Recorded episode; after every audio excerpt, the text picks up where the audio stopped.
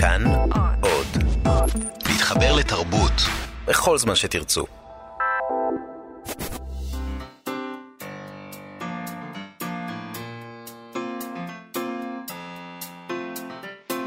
מה שכרוך עם יובל אביבי ומה יעשה לה. שלום, צהריים טובים ומועדים לשמחה, אנחנו מה שכרוך בכאן תרבות, תודה שהצטרפתם אלינו ב-104.9 ו-105.3 FM או ביישומון כאן אודי, שזמין בחנויות האפליקציות השונות, בחינם, ואפשר להוריד את זה שם. איתנו באולפן שיר אייזיק וחן עוז, שעושות איתנו את התוכנית, שלום גם לכן, שלום יובל. שלום מאיה. על מה נדבר היום? היום נדבר עם ערן ליטבין, שלנו. ערן ליטבין שלנו, שגם הוא כבר מאחורי הזכוכית, אה, נדבר איתו על המתאגרף. זה רומן גרפי ביוגרפי אה, על הרצקו האפט, שהוא אולץ להתאגרף באושוויץ בתחרויות ראווה עם אסירים אחרים על מנת לשעשע אה, את הקצינים הנאצים. זה בעצם, אם אני מבין נכון, זה מבוסס על ביוגרפיה שהבן שלו כתב. אה, וזה ספר שכתב אה, וצייר ריינהרד קלייסט. אה, נדבר איתו על זה, נדבר איתו בכלל על העניין הזה שיש ספרי שואה בקומיקס. זה נראה לי דבר שצריך לעמוד עליו. נדבר גם עם צייד הספרים שלנו, אילי גרין, מחנות הספרים המשומשים האחים גרין, על אחת המציאות המעניינות האחרונות שלו. נכון, אבל נתחיל אה, ב, דווקא בדוח, בדוח מולר, הדוח של החוקר המיוחד רוברט מולר על ההתערבות הרוסית לכאורה בבחירות לנשיאות ארצות הברית ב-2016, שבהן כמובן זכה דונלד טראמפ. במוסף הספרים של הניו יורק טיימס ניסו לקרוא את הדוח כחומר ספרותי. הם פותחים את הכתבה באזכור של דון דלילו, הסופר, שב-1993 כינה את דוח וורן, אה, שחקר את ההתנקשות בנשיא קנדי, אה, ראיינו דון דלילו בכתב העת פאריס אה, ריוויו, והוא קרא לדוח וורן מילון אוקספורד של ההתנגשויות, וגם רומן ג'ויסיאני. דון דלילו הביע הערכה על הדרך שבה הדוח עמד על העושר והטירוף והמשמעות של האירועים סביב ההתנגשות. השפע שהציע הדוח סחרר אותו, והוא מספר שם, כשהגעתי לרישומים הדנטליים של אמו של ג'ק רובי, חשתי הערצה. הם באמת כללו את זה? אה, ג'ק רובי היה כמובן האיש שרצח את לי הרווי אוזוולד, האיש שרצח את קנדי. אה, עכשיו, בניו יורק טיימס אה, טוענים שדוח מולר, נראה שהם לא שותפים לאותה הערצה שיש לדון דלילו לדוח וורן על הדוח הנוכחי, על דוח מולר, אבל הם כן מנסים לקרוא אותו בצורה ספרותית. הם אומרים שהוא חסר את איכויות הרומן. אה, The Novel uh, Qualities של הדוח על פיגועי התאומים, או את האינטימיות שמציע דוח סטאר על ביל קלינטון. אולי טוב שכך. הם מסבירים שהוא ערימה דחוסה של מונחים טכניים שכתוב בבירוקרטיות, ושניכר שהוא נכתב מתוך רצון לעורר כמה שפחות תעודה פוליטית. והם טוענים, הם צוחקים שם על השימוש העודף שם, מוגבר בשלילות כפולות ומשולשות, עד כך שהם מציעים, הם מציעים לקרוא לגרסה בכריכה הרכה, שאולי תופץ ואולי לא, אה, של הדוח, לא, לא מצאנו משהו.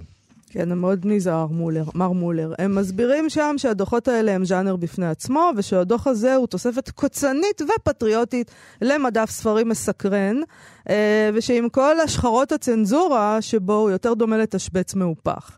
אה, זהו מסמך, הם כותבים, שבו אדם צריך לבקר בעצמו, כי לסמוך על תקצירים של אנשי ממשל לא יספיק.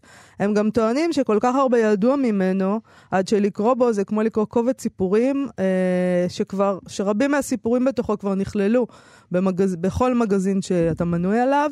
אה, הוא נפתח לדבריהם כמו ביוגרפיה פוליטית טובה, בהתרברבות על יכולת בדיקת העובדות של המחבר. אמ, אחד הדברים המשעשעים שם זה התיאור בניו יורק טיימס של הניסיון של מחברי הדוח להיות ברורים עד כמה שאפשר. הם מתהדרים בזה שהם ברורים ושקופים לכל מי שקורא, עד כדי הערות שוליים שנועדו כנראה, אמ, לפי מה שבניו יורק טיימס כותבים, לקוראים יותר מבוגרים, שמסבירות למשל מה זה טרול אינטרנט. אמ, הנושא המרכזי של הדוח לדבריהם דומה אה, לנושא המרכזי שברומן ראש האיס, העיר קסטרברידג' של תומאס הרדי. אה, כלומר, שקרים והנפש של אלו המספרים אותם. אה, הם מציינים גם, הם, הם עושים ממש מאמץ כדי להראות שכל העניין הזה מתאים לכל מיני סוגות ספרותיות שונות, אז הם מציינים גם נגיד שכל חולי הפרטים הקטנים שאוהבים רומני מתח אה, פרנזיים, שכוללים... אה, כוללים אה, פענוח זירות פשע, התענגו על משפטים כמו נתוני המיקום של הסלולרי של אריק פרינס, מצביעים על כך שהוא שהה במגדל טראמפ במשך כשלוש שעות. נראה מה, ממה שהם כותבים בניו יורק טיימס, שהם קראו את הדוח לעומק, אה, והם הרגישו שהוא מתכתב עם לא מעט ג'אנרים ויצירות. הם מצטטים כמה סצנות שמתוארות בדוח, ובהן אחת שבה טראמפ שואל יועץ שלו, למה אתה שומר רשימות? עורכי דין לא שומרים רשימות. אף פעם לא היה לי עורך דין ששומר, ששמר רשימות. העורך דין עונה לו שהוא עורך דין אמיתי. רשימות יוצרות ארכיון, וזה לא דבר רע.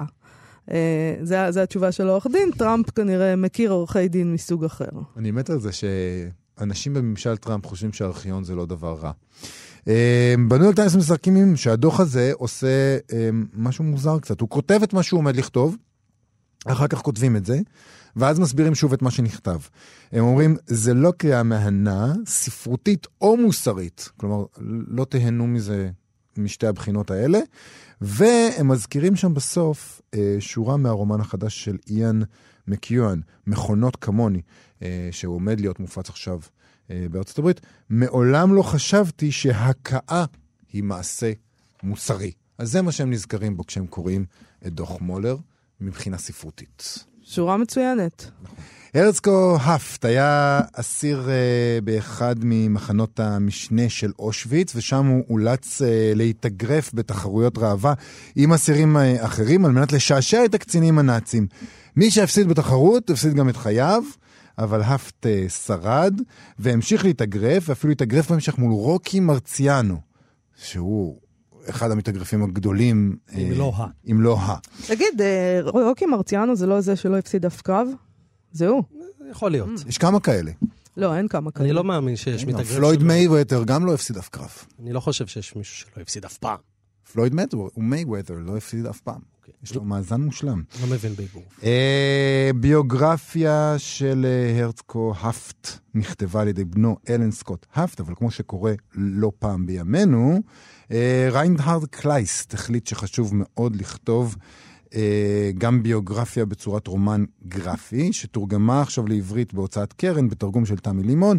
ומי שקרא את הספר הזה, וכבר שמעתם את קולו, זה ערן ליטבין שלנו, מכאן ג', שלום ערן. שלום.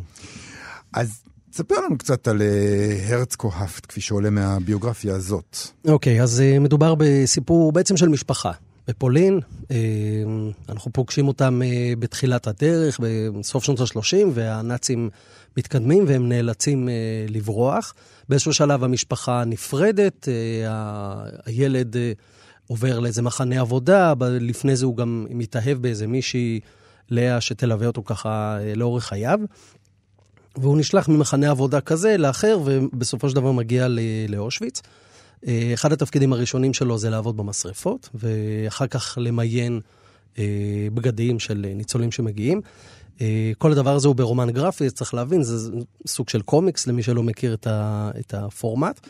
ובאיזשהו רגע, במגעים שלו עם קצינים, כדי להציל את חייו, כי זה מה שאנשים עשו, אה, מציעים לו להתאגרף בזירה שאמורה לשעשע קצינים. לוקחים שני אסירים, נותנים להם להיאבק, וזה מין שעשוע כזה של קצינים, כשכמובן מי שנשאר על הרצפה, נשאר על הרצפה או, או גומר את חייו, מה ש... מעצים את חוויית התחרות מי הזאת. מי שנשאר על הרצפה, כאילו, הוא צריך להרוג אותו בעצם? זה, הוא מת? לא צריך להרוג אותו, אבל יש שם איזה סצנה שמי ש, שהפסיד יורים בו אחר כך. זאת אומרת, זה, זה באמת קרב לחיים okay. אוקיי. ולמוות במובן הזה. כתוב שם בנג. בנג, מעולם המערבונים, ואתה לא, אמור... לא, זה סצנה, זהו, זה לא, זה לא מצויר כסצנה, רק כתוב בנג ואתה מבין מה. הקורא הישר יבין שמדובר בירי על ברווזים. אה, אה, סצנות מאוד קשות, גם מצויר אה, בצורה אה, בסדר. צריך להגיד שקלייסט הוא... הוא מאייר מאוד מעניין, הוא אייר ביוגרפיה של ג'וני קאש ושל אלוויס ושל ניק קיי, והוא די טוב בזה, זאת אומרת... רגע, הוא עשה רומן גרפי על, על ג'וני קאש? כן, ואני כן. לא מכירה את זה בכלל. את לא מכירה את זה. ג'וני קאש הוא אהוב ליבי, כל אחד יודע את זה. אז הנה, אז הנה, יש רומן אוקיי, גרפי. נא לתרגם. נכנסתי לאתר שלו והוא... אנחנו יודעים מה לבנות מתנה עכשיו. נכון. אה, והוא מאייר אה, באמת אה, מאוד מוצלח. בספר הזה בעיניי פחות, לא יודע. לא. מצא חן בעיניך הספר? תראו, אז- האיורים, אתה מדבר פחות במובן... אני מדבר על האיורים. כרגע. הוא מאוד אפל. הוא מאוד אפל, וזה בסדר, זה מחייב אולי את העניין. כן. אני רק ממשיך עוד קצת בסיפור, ב, ב, אחרי השחרור באושוויץ, שגם ממנו לוקח לו זמן להינצל, הוא מחליט לנסוע לארה"ב, כשהמטרה העיקרית היא למצוא את לאה אהובתו, אה, ושם הוא מחליט להתחיל להתאגרף ובגדול, כדי שהידיעות על הקרב אה, יודיעו לה ש, שהוא חי, כי בעצם אין, אין לו דרך להודיע. אה, אוקיי. שהוא חי והוא מאוד רוצה לדעת מה קורה איתה.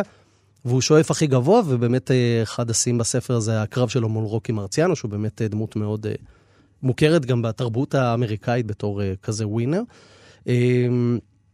מדובר באמת בביוגרפיה אמיתית, זאת אומרת, יש בס- בסוף הספר יש צילום של האיש האמיתי ועוד טקסט ש, שמדבר על האיש עצמו. הוא גם נהג להתאגרף כשיש לו מכנסיים ממגן דוד, הסמל שלו היה המכנסיים האלה והמספר על היד. זאת אומרת, כל, ה, כל הסממנים. אה, בסופו של דבר הוא מפסיד לרוקי ולא זוכה לתהילה הזאת. אה, ואז הוא פורש מהעולם, מהעולם הזה של, אה, של האגרוף, פותח איזה חנות. הספר בעצם מתחיל לא במשפחה בפולין, אלא במין פלשבק כזה שהבן שלו נוסע איתו במכונית, והאב המתאגרף מאוד מאוד עצבני. בסוף הספר אנחנו מבינים את ההקשר, נודע לו אה, שלאה נישאה והיא חיה במיאמי והיא מאוד מאוד חולה, וזה הרגע האחרון לפגוש אותה. הם נוסעים ונפגשים, ומין חיבוק אחרון כזה לפני, לפני שהיא נפרדת מהעולם. אה, וככה בעצם מסתיים הספר, זאת אומרת, זה מין closure כזה. אז, אז אני חייב להגיד ש, שנורא התאכזבתי, כי הדמויות אה, מאוד מאוד שטוחות, והכל מאוד של קלישאה. אה, אומנם אלה החיים שלו, זאת אומרת, לא מדובר באיש שהמציא משהו, אלא זה באמת החיים, אבל משהו כאן התפספס, ואולי זה בגלל שמי שכתב את זה זה הבן שלו, שנורא רצה אולי לעשות איזה שירות נורא טוב. אה, אני לא חושב שהוא הצליח, אבל הפורמט הזה של רומן גרפי בעיניי הוא מאוד מאוד מעניין. אה, אני חושב שאנשים שיכתבו ב-50-100 שנה הקרובות יצטרכו להידרש לאיך אנחנו מתווכים את הסיפור הזה של השואה. העניין הזה של פרוזה אולי כבר אה, בעייתי, וכבר הדור הצעיר כבר לא מסוגל להכיל את הדבר הזה. יש משהו ברומן גרפי ש...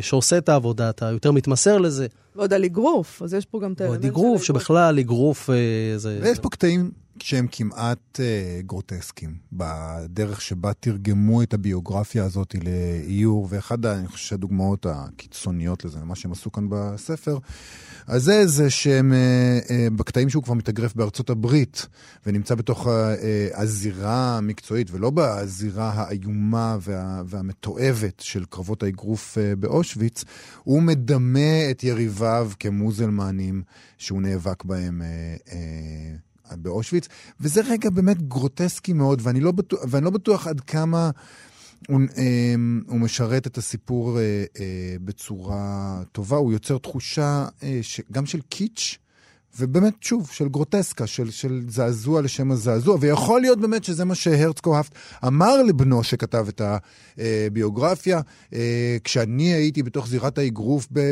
בניו יורק, וראיתי לנגד עיניי את, ה, את המוסלמנים נכון. האחרים שהתאגרפתי מולם באושוויץ, יכול להיות שהוא אמר את זה, אבל הדרך שבה אה, תרגמו את זה לשפה גרפית פשוט יוצרת נכון. אה, תחושה אה, לא נעימה. יש שם איזה. מאמץ מאוד מאוד חזק ל- ל- ל- ללחוץ על בלוטת הרגש, וזה כאילו לקוח מעולם הקולנוע של אה, כאלה. זה נכון, זאת בחירה לא מושכלת, אבל אולי בגלל זה הספר הזה גם זכה להצלחה מאוד גדולה, הוא תורגם להמון שפות.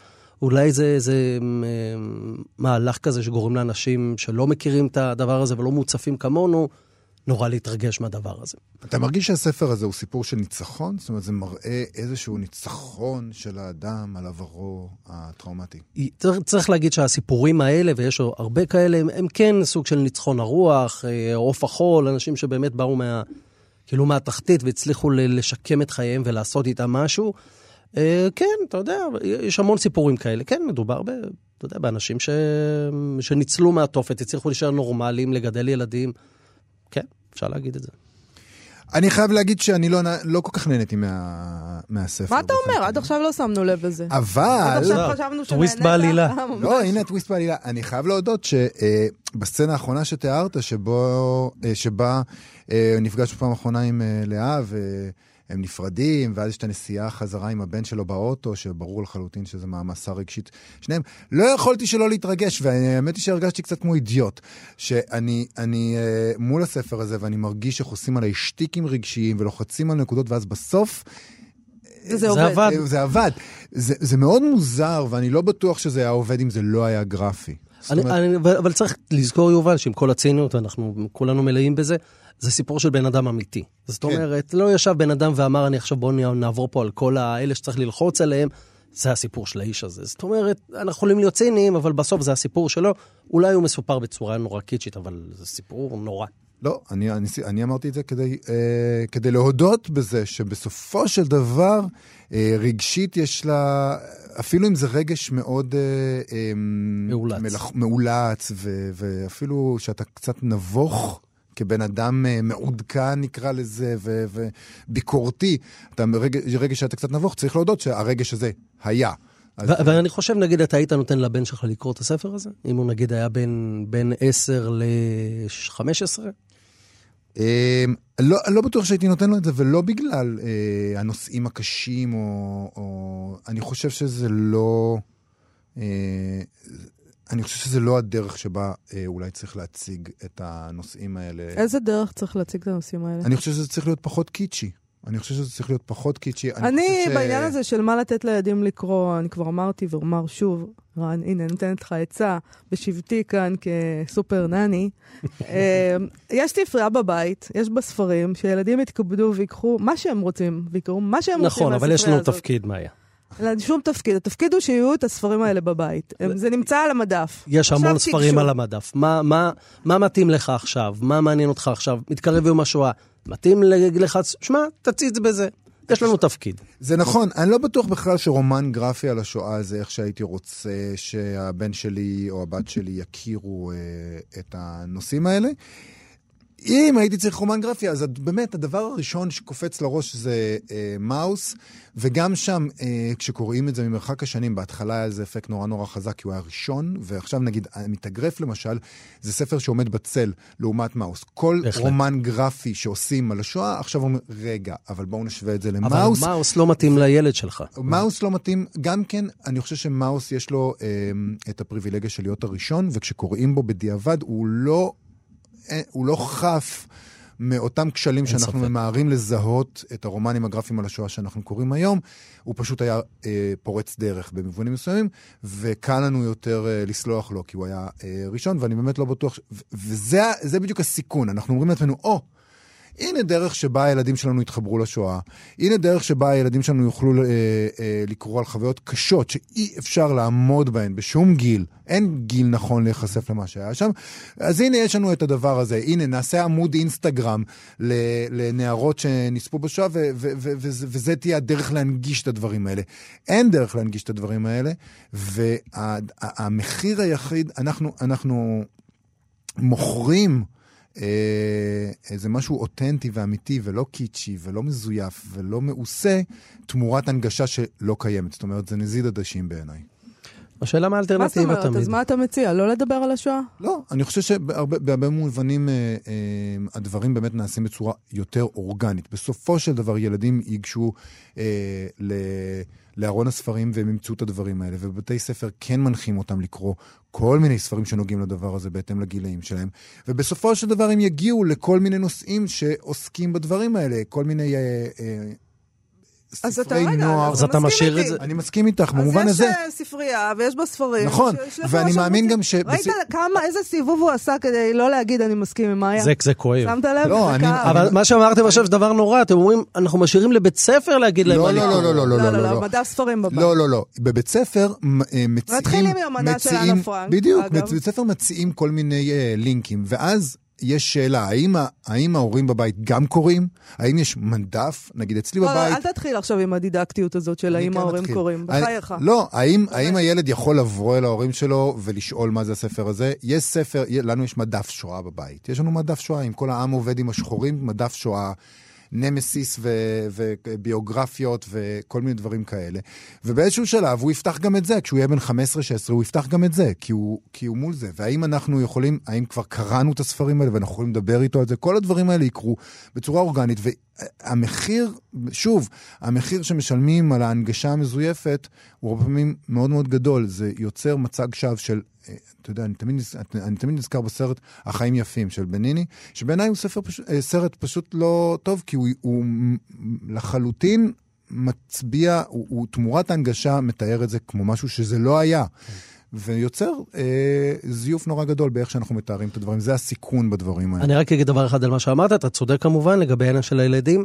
אני חושב שרק יש משתנה אחד שלא לקחת בחשבון. הקשב שלהם היום בכלל לא נמצא בארון הספרים. ואם אנחנו לא קצת נדחוף אותם לשם, הם לא יגיעו לשם. אני רואה את הילד שלי, אין שום סיכוי, אין שום ספר שייתן לו את ההתרחשות וההתלהבות שיש לו מול המסך. אנחנו בבעיה עם זה. אז אה, אני אשאל אותך את השאלה ששאלת אותי, היית נותן לילד שלך לקרוא את הספר הזה? אני שאלתי את עצמי בדרך לפה, אני חושב שכן. כן. אני חושב שהייתי אומר לו, אתה אוהב קומיקס? נכון. תסתכל על זה נכון, רגע. כן, נכון. אבל אם אני לא אעשה את זה, הוא לא ייגש לבד. טוב, אז אה, המתאגרף. הורים, כן, אה, הציצו במתאגרף. אולי זה התפקיד שלו גם, לקרב אה, אנשים שהם באים כבר מעולמות אחרים, וכבר המילה הכתובה כבר לא מלהיבה אותם. ערן ליטין, תודה רבה לך. אנחנו נדבר עכשיו עם אילי גרין, צעד הספרים שלנו, מחנות הספרים המשומשים, האחים גרין, שלום אילי גרין. שלום, שלום. על מה נדבר היום, אילי? היום אנחנו מדברים על ספר מיוחד שמצאתי. שבוע שעבר, אני חושב, הייתי בקנייה אצל אה, מישהו שהיה יהלומן בבורסה ליהלומים. Mm.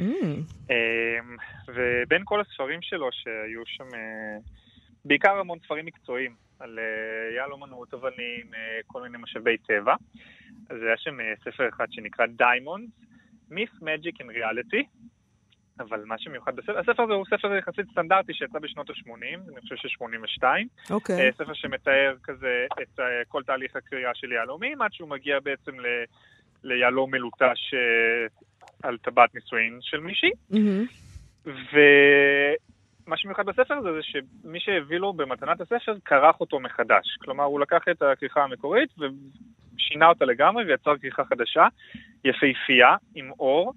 אמ, הטבעה מזהב, ובמרכזו של הספר הוא גם שיבץ יהלום על הכריכה. יהלום אמיתי. אמ, אוקיי, יהלום אה, גדול? יהלום אה, כזה? יהלום קטן, עשיתי בדיקה, אה, לא הוא לא שווה כמו שחושבים שיהלומים שווים, הוא יחסית זול, אבל עדיין זה יהלום, וזה ספר מאוד מיוחד. אבל... זה בטח מה שבבורסה ליהלומים נותנים כמתנה לחג. זה נראה לי... תכין לי כמה כאלה. היהלומים שנפלו מהשולחן. בדיוק, המנקה תטעה את זה ממש.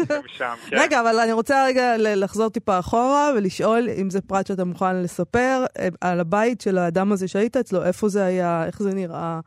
זה היה בית בהרצליה פיתוח. כן. אה, בית מאוד עשיר. אמ, גם בפרטים מאוד עמוס. אמ, הבן אדם נפטר, אני חושב, לפני חצי שנה, ועכשיו הם מפנים את הבית שלו, נראה לי שהוא מועמד להריסה. וזה בדרך כלל סיטואציות שנכנסים, והמטרה של המשפחה בדרך כלל זה להוציא כמה שיותר מהבית. בדרך כלל מגיעים אה, בשלבים שכבר המשפחה לקחה את רוב הדברים שהם רצו. והם לא רצו את הספר הזה עם היהלום? הם לא רצו את היהלום? לא, לפחות, לא, אפשר לתלוש אותו מהכריכה. לא חושב ש, שזה שווה את ההשקעה של, ה, של השישה כן, בשבילם. זה כמו, רגע, לא, יש להם יהלומים כמו זה, ולמה הם צריכים את זה? חוץ מספרים על יהלומים, אה, איזה עוד ספרים היו שם? היו עוד דברים מעניינים? מה עוד העסיק אותו? היה לו ספרייה מאוד, מאוד מקצועית. אה. אה. לא, לא, בקושי היה שם ספרות וספרי עיון, הרוב היה ספרייה מקצועית בנושא יהלומים, מתכות, אה, יהלומנות, תכשיטנות ודברים בנושא. האמת שזה דברים ש, שאפשר, אה, שמאוד הולכים, אה, כי יש דרישה לספרות מקצועית. אז זהו, זה מה שרציתי לשאול, זה דברים שמעניינים אותך בכלל, נגיד, כל הדברים האלה? אותי ספציפית הדברים האלה מאוד לא מעניינים, גם uh, תכשיטים בגדול uh, זה משהו שאנחנו, שאני רואה הרבה בבתים uh, ובמכירות פומביות הרבה מתעסקים, אותי ספציפית זה, זה לא מעניין, זו לא התשוקה שלי, אבל uh, כן, זה דברים שמעניינים. נגיד מעניין אותי יותר ספרות על uh, תכשיטנות ויהלומים, כי יש לי לקוחות בחנות שקונים ספרים על תכשיטנות, כל מיני מעצבים צעירים ואנשים שקונים mm. uh, דברים בנושא. תגיד, העניין הזה של לכרוך מחדש, זה עניין כן. מקובל? זה דבר שעושים אותו? זה, אני, אני חושב שאני, ש, כאילו, אני שומע על דבר כזה די פעם ראשונה בעצם. אז זהו, אז אה, בגדול זה אה, מתחלק לשניים. אחד, יש אנשים שפשוט רוצים לכרוך מחדש את הספר כי הספר במצב לא טוב והוא זקוק אה, לשיפוץ. הכורכים, לפי דעתי, מתמעטים עם השנים. כלומר, תמיד מגיעים אלינו בחנות ושואלים, היי, תגידו, אתם כורכים מחדש ספרים? אנחנו צריכים לשפץ איזה ספר. אז מי שרוצה יכול להתקשר לחנות, יש לנו טלפון של מישהי מעולה, אנחנו ניתן אותו בפרטי. ומעבר לזה יש את, ה, את הכריכה האומנותית. אה, זה בעצם אנשים שרוצים לעשות, אה, להכין מתנה מיוחדת, לקחת ספר רגיל ובעצם לעשות לו כריכה כמו שאנחנו רואים במקרה הזה, בעצם משהו מיוחד שהוא מותאם אישית לבן אדם. מיהלומים, מיהלומי דומים. מיהלומים, בדרך כלל זה כריכות אור. בדרך כלל אה, כריכות אור, שגם זה, גם זה, יש דם שמעורב בעניין, אבל... כן. כן, אז אה, זה בדרך כלל מה שעושים, אה, נגיד, אה, נורא נפוץ, כבר דיברנו על זה בעבר, שלוקחים נגיד את כל קרחי דבר לילדים, או כמה גיליונות של דבר לילדים, וכורכים אותם. אותם יחד. ואז בעצם יוצרים ספר שבו יש כמה גיליונות, נגיד של דבר ילדים, או של טרזן, או משהו ש... שהיה לו כמה גיליונות. במקרה הזה, אבל מה שאתה מתאר כאן עכשיו, זאת אומרת, העניין היחיד שלך בעצם בספר הזה, או תקן אותי אם אני טועה, וזה לא העניין היחיד, אבל בעצם זה הכריכה המיוחדת והייחודית שנעשתה. אומרת, אין... נכון, הספר, הספר עצמו לא שווה יותר מ-50 שקל uh, כספר, אבל עם הכריכה מיוחדת זה פשוט מוסיף לזה ערך בגלל שהיהלום עצמו שווה. אבל המשפחה כמובן, זהו. אני רוצה להבין, מה... מי זה הבן אדם הזה שיקנה את זה? זו שאלה מעולה, אני חושב שנשים את זה במכירה פומבית. Mm. Um, אני אשים את זה במחיר נמוך יותר ממחיר היהלום, ומי שיקנה יקנה, אם לא, אני אתן זה, יש לי חבר uh, יהלומן. תיתן לו מתנה. ניתן לו מתנה, כן. זה גם, זה גם מקרה שבו ברור לחלוטין המשפחה, כאילו, זה לא שיש איזה סוד פה. היהלום על הכריכה, לא, הם יודעים שיש שם יהלום. הם עם היהלום, כן, שאלו אותי כמה אתה רוצה לצאת, הצעתי הצעה, אמרו לי סבבה. גיליתי שזה שווה ממש קצת מעל כמה שהצעתי, כי אני באמת לא מבין ביהלומים, אז הצעתי מחיר יחסית גבוה, אני חושב שהם יצאו מרוצים, ואני גם, בסופו של דבר. אילי גרין מחנות הספרים המשומשים האחים גרין, תודה רבה לך על השיחה הזאת. יש שם המון סוגים של ספרים משונים שמגיעים אליך, באמת אה, נכון. מדהים. תודה שאתה חולק איתנו את המוזרויות. טיפוסים וספרים מוזרים. יפה, נא לכתוב ספר. תודה רבה. בכיף. להתראות. בפינת הסטטוס היומי שלנו, סטטוס היום של הסופרת, העורכת והמנכ"לית. של הוצאת הקיבוץ המאוחד, נוגה אלבלח, שלאחרונה יצא הספר החדש שלה, אסתר ועדינה. נכון. אה, ככה היא כותבת בפייסבוק. אתמול, ערב החג, חציתי מרכז מסחרי שוקק למדי באחת משכונות תל אביב. אישה אחת שהלכה עם עגלת קניות נגררת פנתה אליי פתאום ואמרה בחיוך, סליחה, רציתי להגיד לך שאהבתי מאוד את הספר שלך. אמרתי, תודה רבה. ולפני שנפרדתי ממנה, החלטתי לברר, את מתכוונת לאסתר ועדינה? האישה נענעה בראשה. אמרתי, התכוונת אולי לאיש הזקן. האישה לבשה מבט נבוך על פניה, ואז אמרה, סליחה, חשבתי שאת נועה ידלין. אז תמסרו לנועה ידלין בשמי. נכון. ומישהו כמובן תייג את uh, נועה ידלין, שמיהרה לכתוב בתגובות uh, שזה מזכיר לה uh, סיפור משל עצמה. את הפעם ההיא שניגשה אליי בחורה על הדוכן בשבוע הספר ואמרה לי שהיא מעריצה אותי ושהספרים שלי שינו את החיים שלה. הסמקתי בחן, ואז היא הוסיפה, וגם של כל החברות שלי. כבר התחיל לעלות לי לראש כשהיא אמרה, הכי אהבתי את מלאכי עליון. אמרתי לה שמיכל שלו חותמת בצד השני של הדוכן, ומרוב אי נעימות היא קנתה את הספר שלי.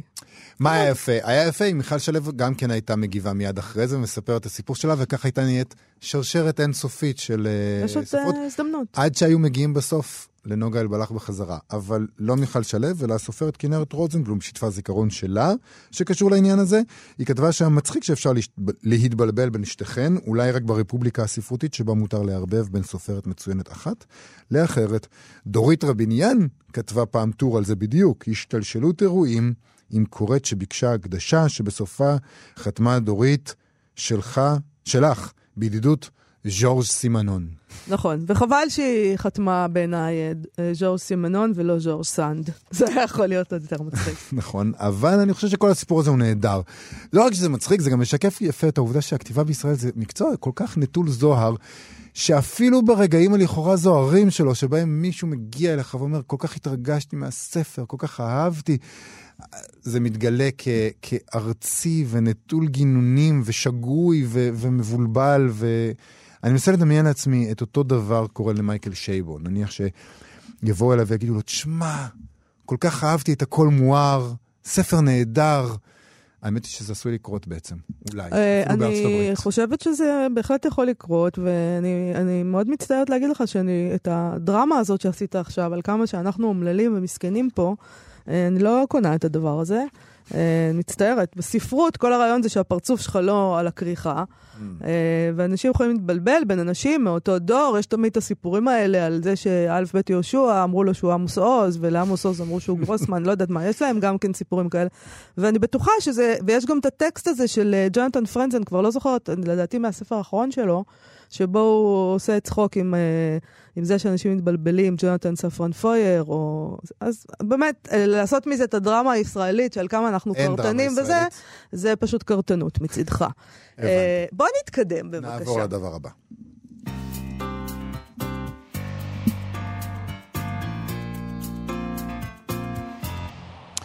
נעשה את פינת ביקורת הביקורת, ובה נקרא קצת מביקורת של עמרי הרצוג, מוסף ספרים אה, של הארץ, על הספר האימהות של ברית בנט, שיצא במודן בתרגומה של רוני שרי פרייז.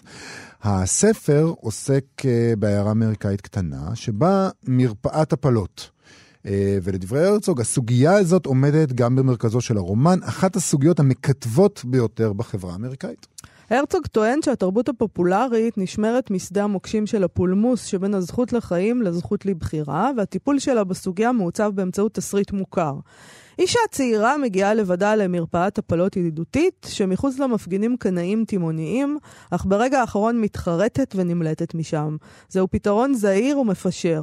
הוא מצביע על זכות הבחירה האוטונומית של נשים, על חייהן ועל גופן, ובו זמנית מדגיש את עוצמתו של האינסטינקט האימהי שמאפשר את ההחלטה הפנימית הנכונה. שום מוקש אינו מתפוצץ בדרך.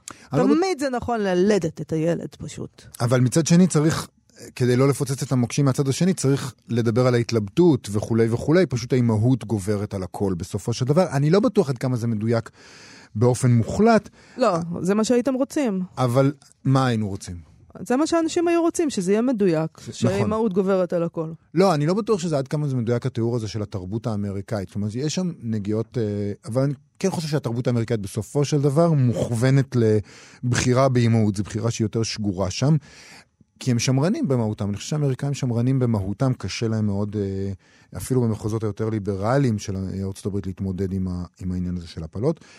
אני אגב מעריך שרוב האנשים אה, התייחסו אה, להיריון שמסתיים בלידה כטבעי יותר מאשר הריון שמסתיים בהפלה. זה נדמה לי טבעי, אפילו אם ההפלה מוצדקת לחלוטין. זאת אומרת, העניין הזה של לידה נראה לאנשים טבעי יותר. אז יכול להיות שזה נכון. עכשיו, בנט לפי הרצוג, אצלה יש עמדה בסוגיה הזאת, והספר שלה פועל כמו מכונת הסברה ספרותית משומנת, יעילה ומחושבת. הגיבורה של בנט היא צעירה שחורה, שנכנסת להיריון ועוברת הפלה. מה שאורי הרצוג אה, כותב זה שהמהלכים הללו מתוארים בחופזה, והמשך הרומן מורכב ממעשיית מוסר, שליבתה השמרנית מצופה סוכר. ההפלה שעוברת נדיה היא החטא הקדמון, וכל מי שהיה מעורב בו נענש. נענש. על פי האימהות, הפלה היא אירוע שמשבש את החיים כולם. עמותת אפרת לא הייתה יכולה לנסח את זה טוב יותר, ומוזמנים לקנות סטוק ולחלק. Uh, הנרטיב הליברלי מספר כי הפלה שעוברת נערה צעירה מאפשרת לה חיים. משחררת אותה מהקלישאה של האם המרירה והלא בשלה החולמת על העתיד שנגזל ממנה. אולם, הרומן מציג את העמדה הזאת כטעות. חטא ההפלה משבש את העתיד המדומיין הזה, צובע אותו בגוונים של שקרים, בגידות, בדידות וחרטה. לפי הרצוג הבעיה היא שהמסר הזה כבר לא עובר טוב אצל קוראים ליברליים, זאת אומרת, בני התקופה שלנו. כלומר, את המסר הזה צריך לעטוף באריזה דקה ומפתה של אמביוולנטיות מוסרית ופוליטית. לדבריו, ברומן הזה היא משתמשת בשני תכסיסים כדי לשווק את המסר השמרני. ראשית, הדמויות רגישות ופצועות, מעוררות אמפתיה ואפילו הזדהות, הן לא חסרות אה, מוסר ואנוכיות. החטא האיום שלהם אינו נובע מטבען, אלא מטראומות קודמות ונסיבות רגשיות ספוכות. הם, זאת אומרת, הן דמויות מורכבות, לפי מה שאני מבין. הם לא השטן. כן. זה הסיפור. כן. הם לא רעות. כן. ושנית, הוא אומר, הרומן משתמש בכללי התקינות הפוליטית הגזעית ומעיד תכופות על הפער שבין אפשרויות החיים של צעירים לבנים לאלה של השחורים. זאת אומרת, שההפלה נובעת מזה שאתה פשוט... היא לא יכולה לגדל את הילד. כן. Uh, טוב, הוא מסכם שבספר הזה הכתיבה קולחת וחלקלקה. עמוקה ורגישה לכאורה, שמסגלת את צבר הפנים הנעים והמזמין של השמרנות הנוצרית האמריקאית, ושתחושה של מניפולציה מתמשכת מלווה את הקריאה ברומן. זה, אני חושב שזו קריאה מאוד מעניינת של הרצוג. אני חושב שאנחנו חיים במדינה שבה שמאלנים וימנים כאחד מתלוננים על זה שאסור להביע עמדות פוליטיות. אני חושב שהרבה פעמים עושים את זה כדי להצטייר כאמיצים מאוד. מי שלא דופק חשבון כשהם כן מביעים את, את עמדותיהם הפוליטית. כאילו זה ידוע שהם עומדים לשלם מחיר יקר, אבל הם גיבורים, לא אכפת להם, הולכים עם האמת שלהם. כשבעצם אין כזאת השלכה איומה, השלכות איומות להיות אומן שמביע עמדות שמאל, או אומן שמביע עמדות ימין. עכשיו, מה שהוא מתאר זה כניעה שמרנית לערכים ליברליים, זה בדיוק הפוך ממה שהיינו מדמיינים לעצמנו שיש. גם בתיאור של זה יש משהו מאוד מאוד עכשווי. זאת אומרת, השמרנים שאומרים, אוי ואבוי, אנחנו צריכים להיות כל הזמן תחת משטרת הפוליטיקלי קורקט, כשבכלל לא ברור שהערכים האלה בכלל משקפים את החברה האמריקאית, או את קהל הקוראים האמריקאית. כל מבצע ההסתרה הזה שמתואר בספר נשמע לי מעט מופרך. מה שמעורר אצלי הסתייגות, האומנם מדובר בכניעה לכלי הפוליטיקלי קורקט, או שאולי המחברת לא רצתה להיות שקופה לחלוטין, היא רצתה לנוע בתחומי האפור של הערכים האמריקאים מצד אחד, ומצד שני... הוא מתאר טקסט שהוא מניפסט, אז היא, היא, היא לא רוצה לשכנע את המשוכנעים, היא רוצה לשכנע ולקרוץ ללא משוכנעים. זה לא עניין של כניעה. יכול להיות שפשוט הספר טכניקה. לא טוב, שהיא לא עושה את זה מספיק טוב, אבל זה נשמע, ממה שהוא אומר, זה שהיא לא עושה אה, דמויות שהן אה, לחלוטין אה, אה, שגרתיות, אה, היא לא עושה דמויות שהן, אה, שהן פלקטיות, וזה, וזה מתואר כאיזה תרגיל.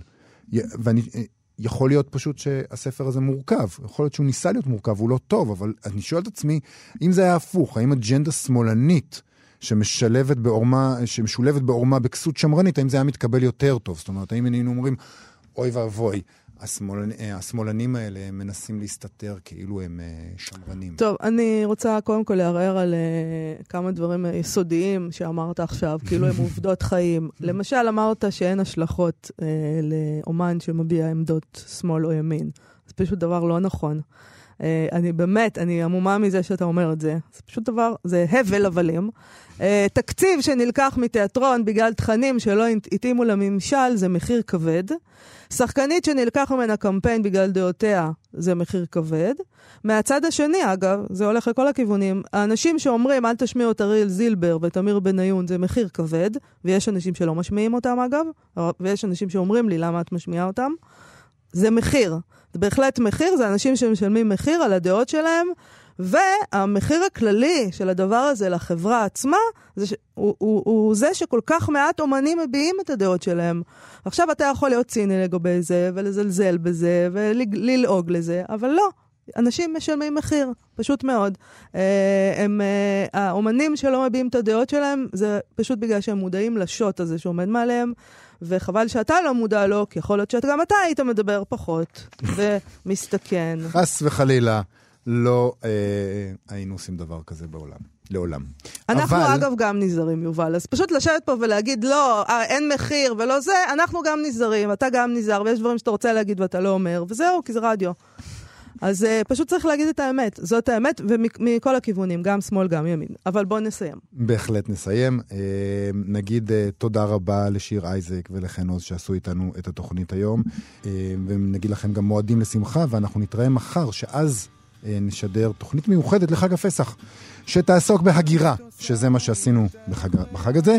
ואם כבר הכרזות להמשך השבוע, אז uh, ביום רביעי נערך לתוכנית מיוחדת הסופרת נועה ידלין, לרגל צאת ספרה החדש, אנשים כמונו. זה מה שיהיה ביומיים הקרובים. אה, תשובו אלינו מחר ומחרתיים. להתראות. להתראות.